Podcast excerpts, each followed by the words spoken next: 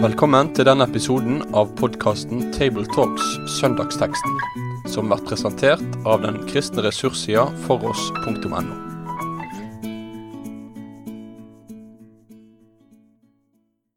Hjertelig velkommen til Tabletalks, produsert ved, av nettsida foross.no. I dag så skal vi snakke om eh, den teksten som gjelder for niende søndag i treenighetstida. En tekst som skal forkynnes over 6. august fra Matteus 11. Og treenighetstida det er den perioden av kirkeåret som er uten de store høgtidene. Eh, nå har vi fra kirkeåret begynte, første søndag i advent og fram til pinse, gjort unna alle høgtider, og så er vi nå inne i treenighetstida, grovbrødsperioden, det jevne kristenliv, eh, og ulike tekster som, som, legger vekt på at kristen tro er tro på, på den trenige Gud som har åpenbart seg og kalt oss til tro og etterfølgelse. Eh, og denne søndagen så ligger vekten på at Jesus er den som inviterer til å komme til han og få hvile og eh, oppreisning og, og, og hjelp i, i, vandringen videre. Mitt navn er Knut Kåre Kirkholm, eh, og jeg har med meg eh, to samtalepartnere. Mm -hmm. Jeg er Toril Slottsveen Asp. Og jeg er Sverre Bø. Ja. Og eh, nå skal Toril få lov å lese teksten fra Matteus 11, vers 28-30. Kom til meg, alle dere som strever og bærer tunge byrder, og jeg vil gi dere hvile. Ta mitt åk på dere og lær av meg for jeg er mild og ydmyk av hjerte. Så skal dere finne hvile for deres sjel. For mitt åk er godt, og min byrde lett. Når jeg hører denne teksten, så er alltid min tanke sånn eh, OK, eh, jeg får komme til Jesus med det som er tungt og vanskelig, får legge det vekk, og så får noe nytt. Eh, en ny byrde å bære. Eh, er det sånn vi skal forstå teksten? Vekk med noe, få noe nytt? Eller er det mer her? Jeg tror nok jeg i hvert fall har eh, Når jeg har lest denne teksten i hele mitt liv, så har jeg lest vers 28, og så har jeg ikke brydd meg så mye om vers 29. Mm. Eh, jeg husker at da jeg hadde vitnesbyrd på bedehuset første gang i mitt liv, da var jeg tolv år. Mm.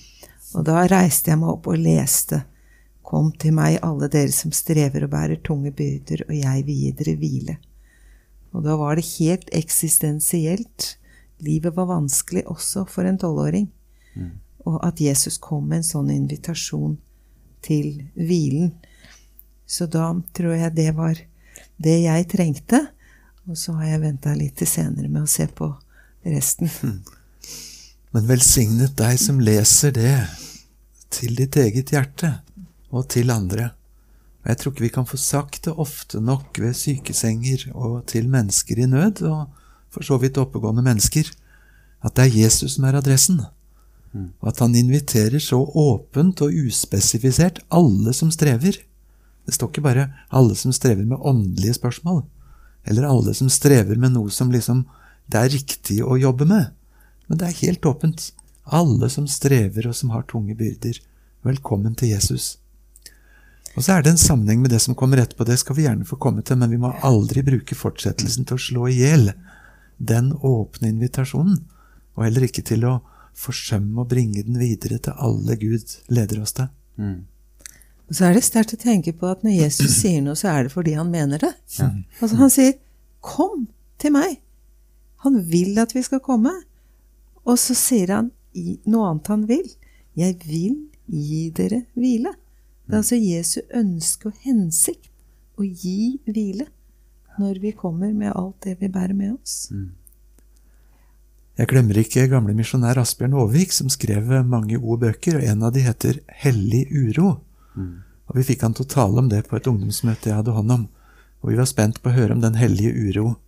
Og så brukte han jo halve preka på å si det nytter ikke å snakke om en hellig uro før du har fått møte den hellige ro. Mm -hmm. Altså, det er alvorlig ment at du kommer til Jesus med din byrde, og jeg vil gi dere hvile. Punktum. Og så kan det hende at det er slik at livet fremdeles har kav og byrder, og det kan til og med hende at det vokser fram noen nye byrder når du får det lyset over livet og evigheten som Jesus gir. Men punkt én, kom til meg, så skal jeg få gi dere hvile. Det må få stå solid og trygt. Mm.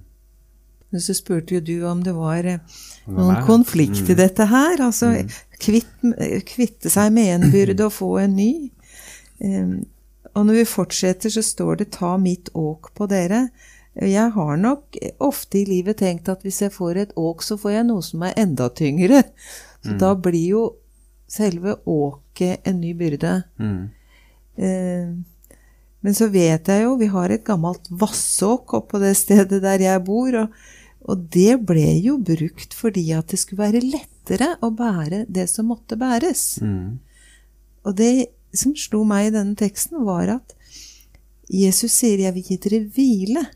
Jeg vil ikke fjerne nødvendigvis disse byrdene, så du ikke kjenner at det er strevsomt og tungt lenger. Men jeg vil gi deg noe fra meg, mitt åk, sånn at du får et bæreredskap i disse byrdene. Og så forteller han jo mer om hvordan vi kan lære mer av han. Og dette vil gi oss hvile. For, for her, her, altså det, dette ordet òg, her, her er det en sånn tosomhet inne i bildet, da. Er, er det det vi er ute etter? Er det Ja. dere sammen med?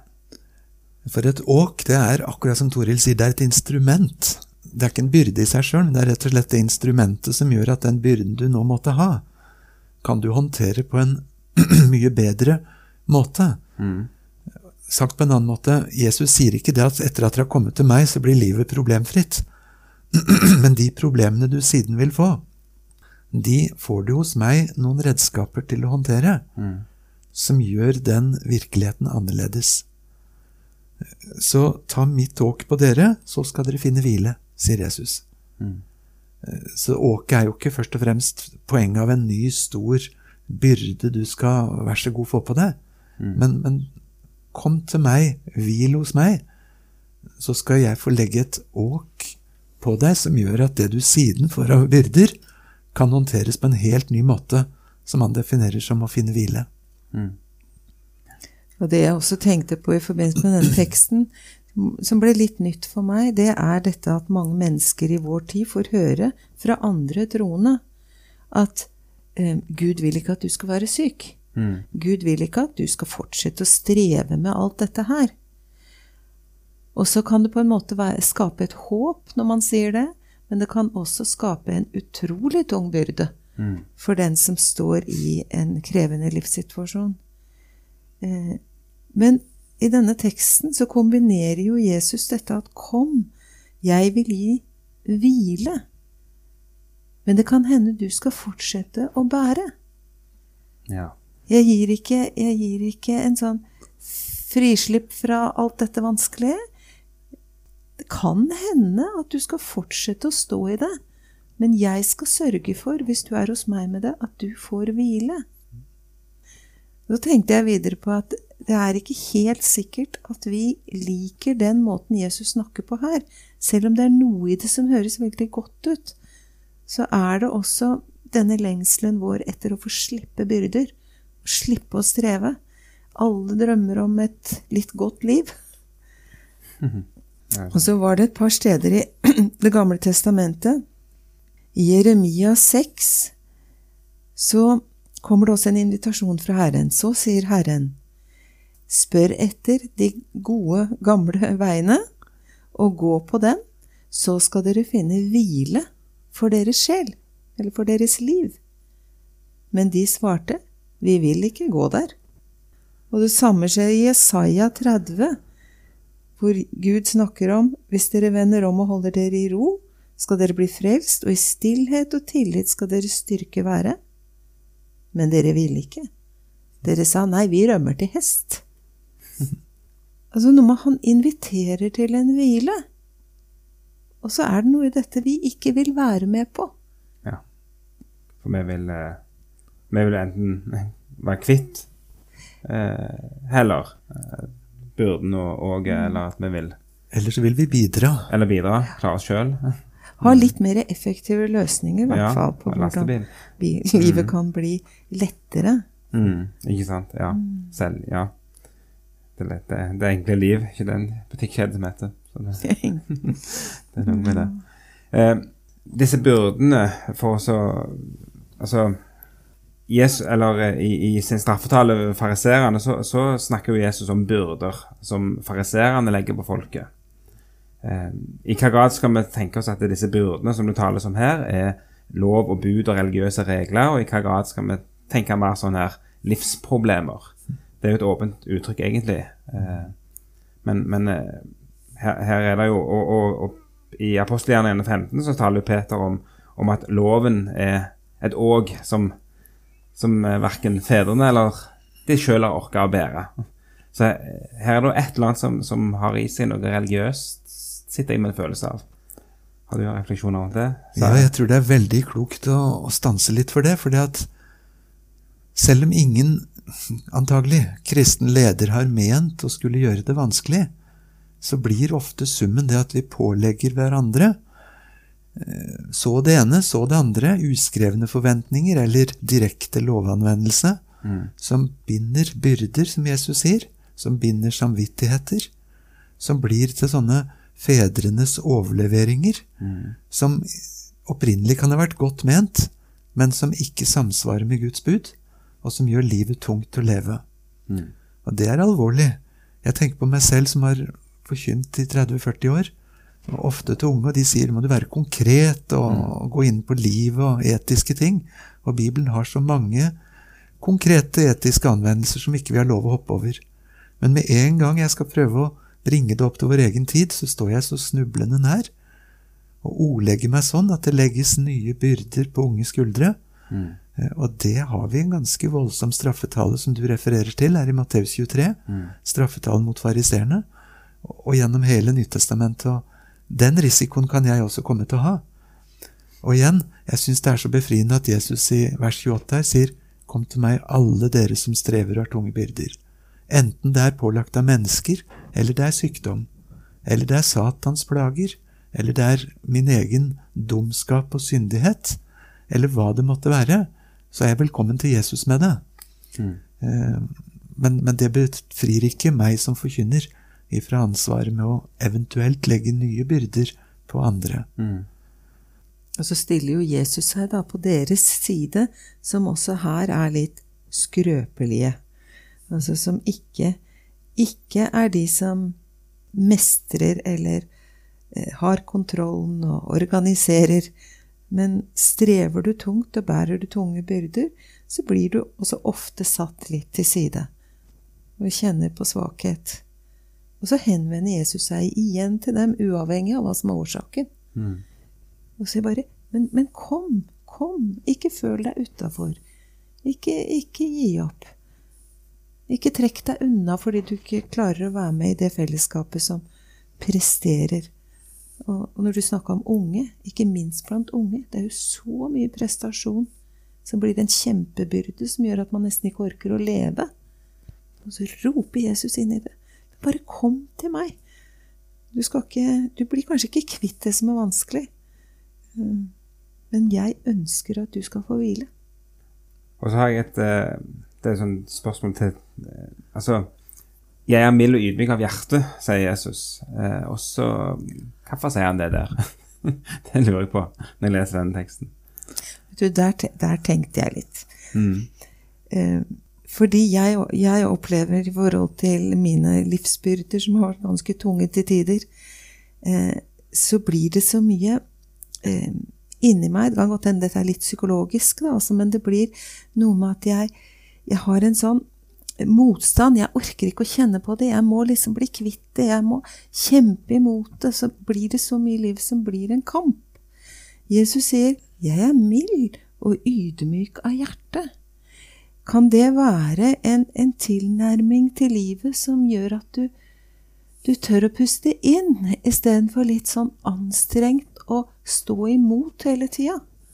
Og jeg tenker at når vi, når vi tør det der å si 'velkommen, livet er som det er', så blir du kanskje litt mild og du blir mer ydmyk i ditt hjerte. Eh, og gjennom å puste det inn, så kan du kanskje komme mer i kontakt med hvilen. Så mild og ydmyk blir noe annet enn eh, i kampmodus og hele tiden sånn eh, litt anspent for å mestre eller prøve å bli kvitt det. Jeg, jeg kan kanskje fortelle en eh, opp, selvopplevd ting eh, som var litt spesiell for meg. I en periode hvor livet var fryktelig tøft, så var jeg på et møte. Og mens jeg satt på det møtet, så fikk jeg se et slags indre bilde. Det er ikke så ofte jeg får det, men det var sånn veldig tydelig. Og det var Jesus som sto foran meg med en kalk i hendene. Og så opplevde jeg at i den kalken var det var mitt livs lidelse. Og så tenkte jeg umiddelbart ok, han har samla det for å ta det vekk.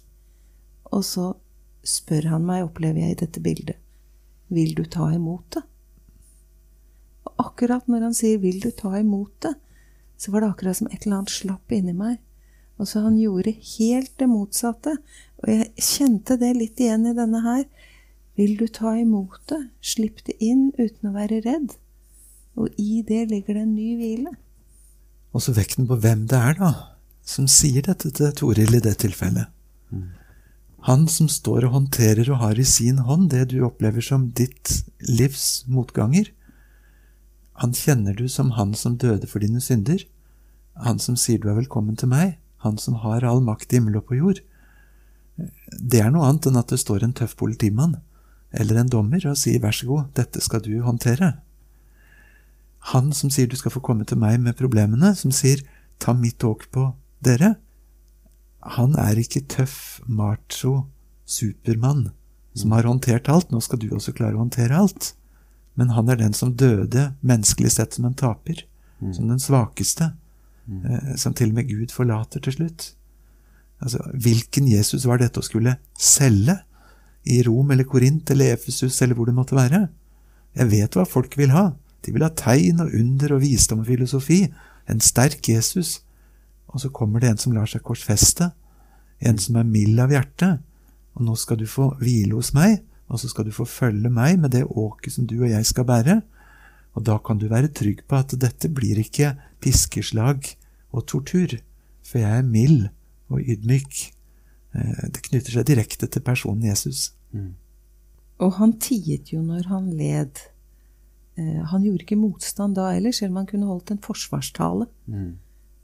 Så, så jeg håper å si, turte han, for å være i vår språkbruk, og, og slippe løs det som kom.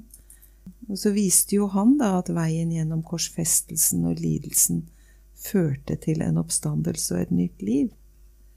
Det kan kanskje virke litt fjernt for oss når vi står midt i vår kamp, men, mm. men vi vet jo at det skjedde, og at det er den veien han vil ha med oss også.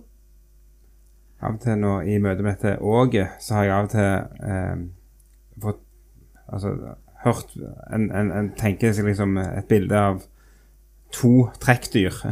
Der du har et rutinert, sterkt, stort trekkdyr, og så har du da eh, et svakere, urutinert trekkdyr. At det er en vanlig praksis at det er sånn en, en lærer opp nye, nye okser til pløye osv.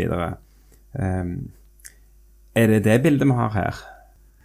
Det er i hvert fall et vakkert bilde. Jeg har sett det på trykk i lærde kommentarer at eh, et åk vil normalt være to eller fire eller kanskje seks eller åtte okser eller trekkdyr.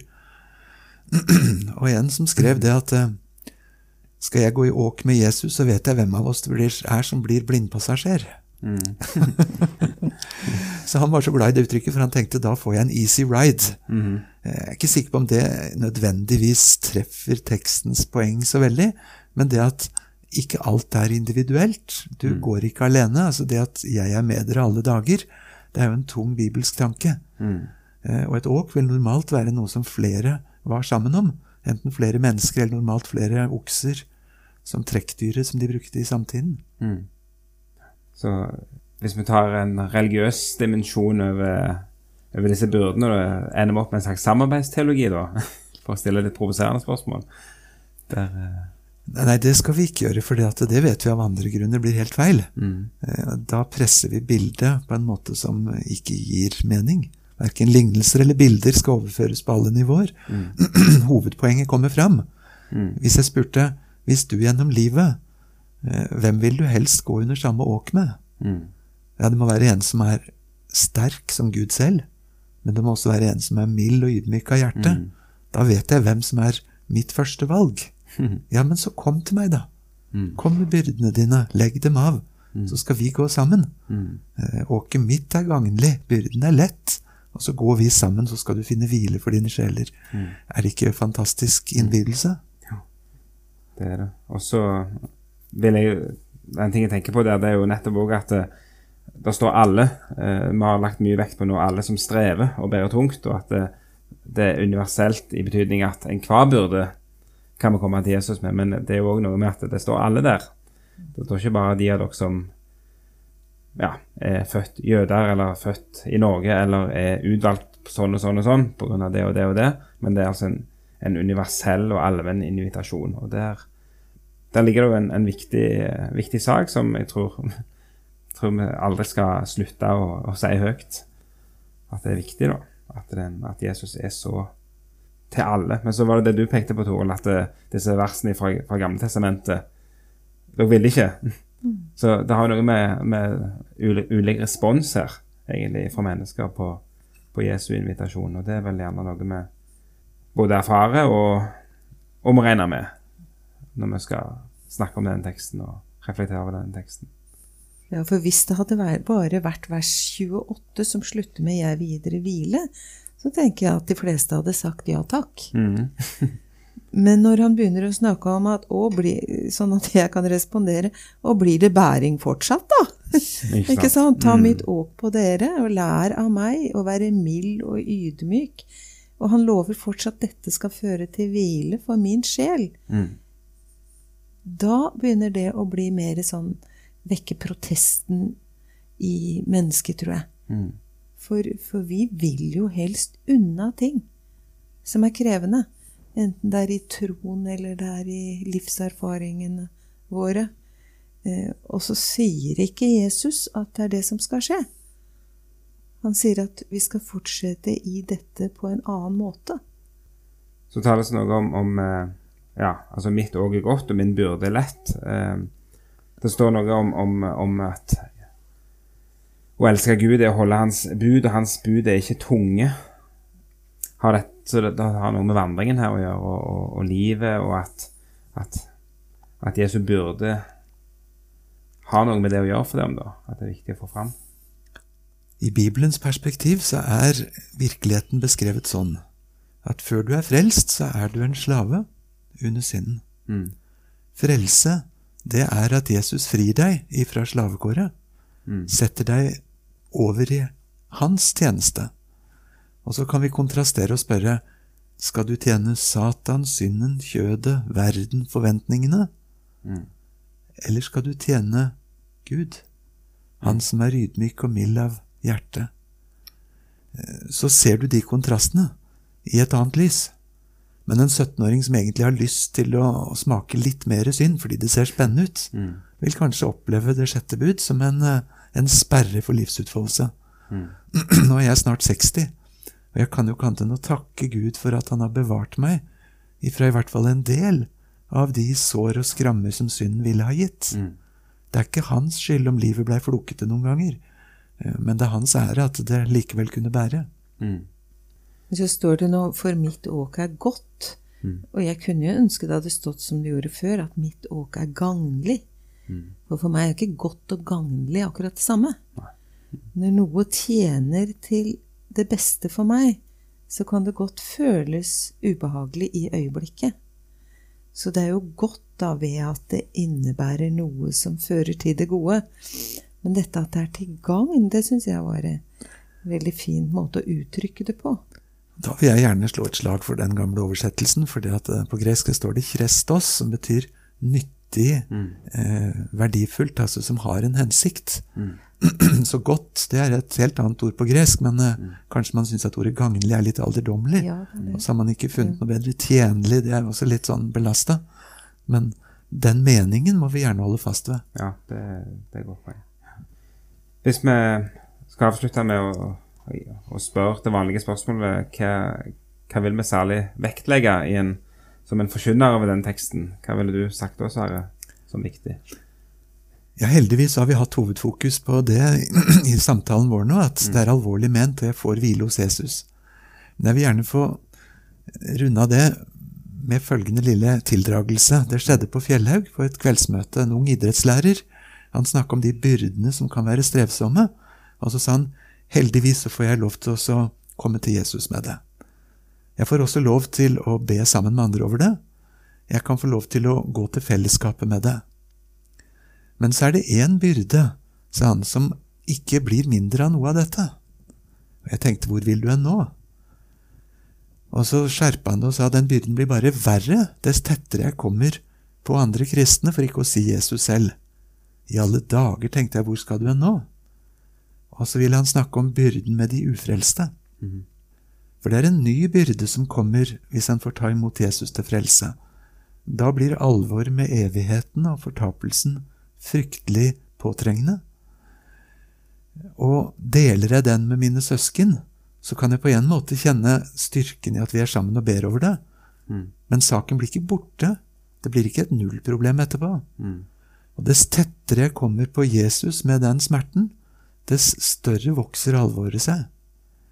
Så det ble et kjempeparadoks i mitt hode at ja, faktisk så er det noe som legges på, som du begynte hele samtalen vår med, Mm. som ikke var der før. Du legger av syndebyrden og blir gjeldfri, Mm. men plutselig så er du blitt et gjeldsoffer. Mm. Jeg står i gjeld for jøde og greker, trell og barbar. Jeg gjør ikke som jeg vil. Nødtvunget må jeg dele evangeliet med flere. Kristi kjærlighet tvinger meg. Og da er det kommet noe nytt inn som kanskje kan kjennes som en byrde. Mm. Og der er jeg absolutt der i tospann med Jesus. Eh, Men, men den er på en måte ny. Mm. Det, det er en sånn forunderlig side ved akkurat den teksten som ikke jeg har klart å bli ferdig med. Mm. Ja, og jeg er nok litt opptatt av, av dette som det er veldig mye av i vår tid, at, eh, at man krever at Gud skal komme med en sånn quick fix inn i våre liv. Mm. Eh, og at hvis du ikke eh, er blitt bedt for og har blitt frisk, så er det din egen feil at du ikke tror nok. Eh, da syns jeg denne teksten hadde noe helt nytt å gi inn i det, for Jesus sier at alle dere som strever, er velkommen helt inn i min nærhet. Mens du strever, ikke når du har blitt kvitt det du strever med, eller blitt frisk.